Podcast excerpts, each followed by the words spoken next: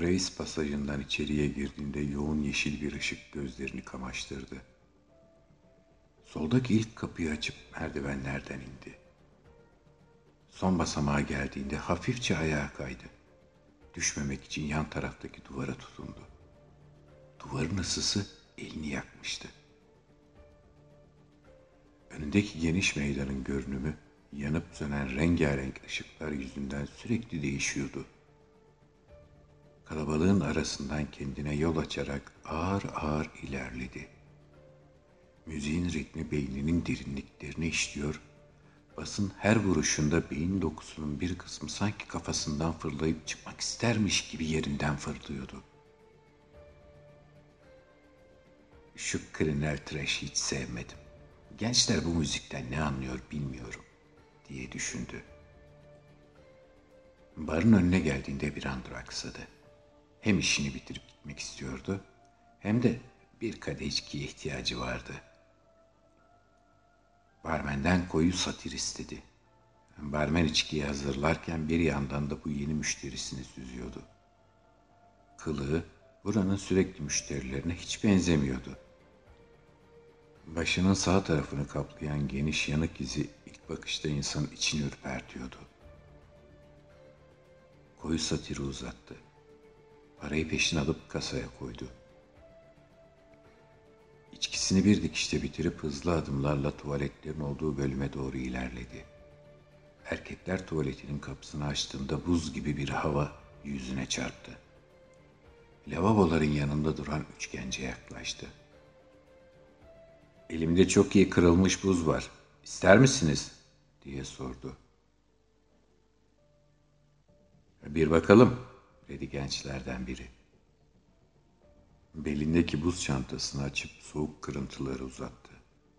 Buz kırıntısından küçük bir tanesini alıp ensesine yapıştırdı genç. Fena değil. Buna kaç para istiyorsun? dedi. Çantasındaki bütün kırılmış buzları satıp bir an önce buradan kurtulmak için pazarlığa razı oldu. Aslında elindeki mal söylediği fiyattan çok daha fazla ederdi.'' Hızlı adımlarla yürüyüp kalabalığın arasından geçti.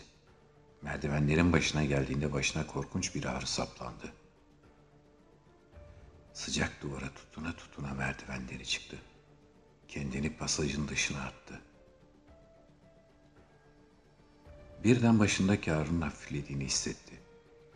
Yapay ortamlardaki yüksek volümlü ses, güçlü ışıklar ve havasızlık insanın kendine uyguladığı işkenceden başka bir şey değildi.'' Derin bir nefes alıp ortamdaki püskürtme oksijeni içine çekti. Beyaz neonlar sayesinde her yer ışıl ışıldı. Alnında biriken ter damlacıklarını elinin tersiyle silip yürümeye başladı. Nedense koridorlar epey tenhaydı. Kırma satan birkaç işportacı çocuktan ve sağda solda yürüyen dört beş kişiden başka kimse görünmüyordu.'' Hava bugün her zamandan daha sıcak. Kimse koridora çıkmaya cesaret edemiyor diye düşündü. Uyandığında nedenini bilmediği bir sıkıntının içini kapladığını hissetti. Sinirli bir şekilde şakağındaki kabloyu çekip attı, monitörü kapattı. Bugün yine aynı filmi seyredeceğiz diye düşündü. Canı o pasaja gitmeyi hiç istemiyordu ama pasajda her zaman müşteri buluyordu ve kırılmış buzu çok çabuk elinden çıkartabiliyordu. Yine çok sıcak diye düşündü. Koridoru görebilmek için perdeyi açtığında beyaz neonlar gözlerini kamaştırdı. Bugün de çok tenhaydı ortalık. Pencereyi açıp derin bir nefes aldı. Can o pasaja gitmek istemiyordu. Ne olursa olsun gitmeyecekti bugün. Buz çantasını açıp iki üç parça kırık buzu alıp ensesine yapıştırdı. Bugün epey zarar ediyorum diye düşündü. Bir an duraksadıktan sonra kararlı bir hareketle çantadaki en büyük buz kırığını alıp ensesindeki diğer buzların yanına yapıştırdı. Monitörü açıp karşısına çıkan sitelerde gezinmeye başladı. Kayra gezegeninin kırmızı tülü andıran çift eşeğli canlılarını görünce ok düğmesine bastı. Değişik bir rüyaya ihtiyacım var, dedi yüksek sesle. Kabloyu şakana yerleştirip uzandı. Uykuya dalarken hafif bir gülümseme belirdi yüzünde. Kendini okyanusların üzerinde salınan kırmızı bir tül gibi hissediyordu. Satıcı büyük bir sarsıntıyla yatağından fırladı. Pencereden içeri güçlü bir sıcak hava dalgası gelmişti. Elini bilinçsizce ensesine götürdü. Tüm buz parçacıkları erimişti. Allah kahretsin. En iyi mal hiçbir şey anlamadan ziyan oldu, dedi. Bir yandan giyinirken göz ucuyla açık olan pencereden de koridora baktı. Koridorun başındaki bina yana yatmış, biraz ilerideki bir mağaza tamamen çökmüştü. Yoğun bir toz bulut kaplamıştı her yeri. Monitörlerdeki tüm yayınlar durdurulmuş, kır saçlı bir adamın heyecanlı bir ses tonuyla olan biten açıkladığı acil yayın programı başlamıştı. Sakin olun, paniğe gerek yok. Bu beklenen bir şeydi, diyordu adam. 220 yıl önceki büyük patlamanın etkisiyle oluşan artçı bir patlamaydı bu. Belli aralarla bu tür patlamalar olacaktı ve artçı patlamaların da 300-400 yıl sürmesi bekleniyordu. Asıl sorun her patlamadan sonra sıcaklığın biraz daha artmasıydı. Gerçi yönetim biriminin sıcaklığa karşı önlem aldığı ve korkulacak bir şey olmadığı sürekli duyuruluyor. Ama nasıl bir önlem alındığını kimse bilmiyordu. Sıcaklık da her patlamadan sonra artıyordu. Merak etme, yakında senin gibi pis uyuşturucu tüccarlarının soyu tükenecek, dedi Kırbaş. Satıcı sorgu odasındaki spotların ışığı altında neredeyse birkaç dakikada kilolarca ter dökmüştü. Derisinin kurumaya başladığını hissediyordu. Ciğerlerindeki serbest sıvı seviyesi azaldığından nefes alması gittikçe zorlaşıyordu. Kimseye zarar vermek istemedim. Sıcağa dayanabilmek için insanların ihtiyacı vardı kırılmış buza, dedi belli belirsiz bir sesle.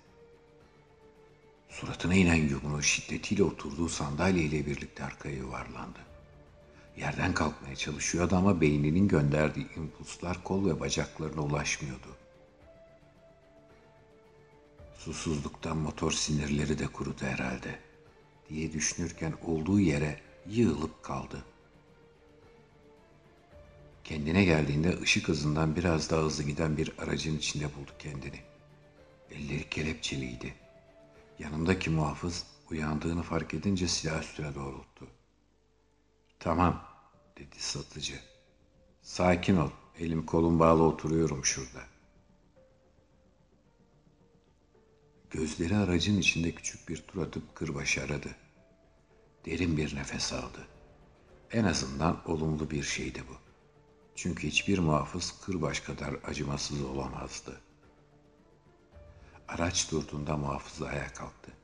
Silahın namlusuyla satıcıyı dürterek aşağı inmesini işaret etti. Satıcı donup kalmıştı. Önündeki manzara bugüne kadar gördüğü hiçbir koridora benzemiyordu. Yerler göz alabildiğine kahverengi bir maddeyle kaplıydı. Yukarıda mavi bir boşluk vardı ve alan düz değil engebeliydi.'' Bazı yerlerde mavi boşluğa doğru yükselen geniş çıkıntılar vardı. İleride çevresinde bir sürü aracın bulunduğu piramit şeklinde gri bir bina yükseliyordu. Muhafız silahın namlusuyla sırtına bir kez daha dokundu. Ne söylemek istendiğini anlamıştı satıcı. Ağır adımlarla binaya doğru ilerledi.'' Binaya girdiklerinde mavi üniformalı iki muhafız satıcıyı alıp her tarafı beyaz fayanslarla kaplı geniş bir odaya götürdü. İçerisi dört bir yana koşuşturan beyaz önlüklü insanlarla doluydu. Odanın sağ tarafında ön yüzü bilgisayar donanımıyla kaplı büyük metal bir cihaz vardı. Satıcıyı ameliyat masasına benzer bir yere yatırdılar. El ve ayak bilekleri otomatik kelepçelerle yatağa sabitlendiğinde soğuk terler dökmeye başladı. Kendimi idam mahkum gibi hissediyordu. Ne bir yargılama yapılmıştı, ne suçlu olup olmadığı araştırılmıştı. Evine yapılan baskından sonra apar topar güvenlik merkezine götürülmüş, kırbaçın hakaretlerine ve işkencelerine maruz kalmıştı. Sonra da bir araçla laboratuvara benzeyen bu garip yere getirilmişti. Yeşil elbiseler içinde kurbağaya benzeyen, ağızları maskeyle kapalı üç kişi satıcıya yaklaştı. Masanın yanındaki monitörü çalıştırdılar. Monitörün çalışmasıyla birlikte tavandaki matkaba benzeyen cihaz ağır ağır üzerine doğru inmeye başladı. Başında korkunç bir ağrıyla uyandı. Çevrede kimse yoktu. Hemen kalkıp kaçmalıyım buradan diye düşündü. Kalkmak gerçekten de bir düşünceydi ve hep öyle kalacaktı. Vücudunun hiçbir yerini oynatamıyordu satıcı. Bağırmak istedi ama ses çıkmadı. Çığlığı yalnızca kendi beyninde yankılanıyor, dışarı yansımıyordu. Aniden karşı duvardaki monitör açıldı. Son yaşadığı patlamadan sonra monitörde görünüp bilgi veren kır saçlı adam vardı karşısında. Yine heyecanlı ses tonuyla konuşuyordu. İşlediğin suçlar için seni cezalandırmak, ruhunu ve bedenini yok ederek çürümeye bırakmak yerine bir tür ödül sistemi geliştirdik. En azından ölümden kurtuldun. Sınırsız hareketsizliğe kavuştun. Gezegenimize yaptığın hizmetin ödülü olarak bu hayatı sana uygun gördük. Ne hizmeti, ne ödülü? Sen neden bahsediyorsun be adam? Çıkarın beni buradan. Diye bağırmaya çalıştı satıcı. Sesini yalnızca kendisi duyuyordu. Gezegenimizin kurtuluşu için geliştirdiğiniz projeye dahil olman senin için büyük bir onur. Eskiden beyincinde bulunan hipotalamus bezi bu gezegenin son kurtuluş umudu. Vücudun ısı düzenleyicisi olan hipotalamus, şimdi gezegenin ısısını düzenlemek için oluşturulan bir aygıtın en değerli parçası durumunda. Bu projeye yaptığın katkıdan dolayı seni kutluyoruz satıcı. Masanda rahat uzan.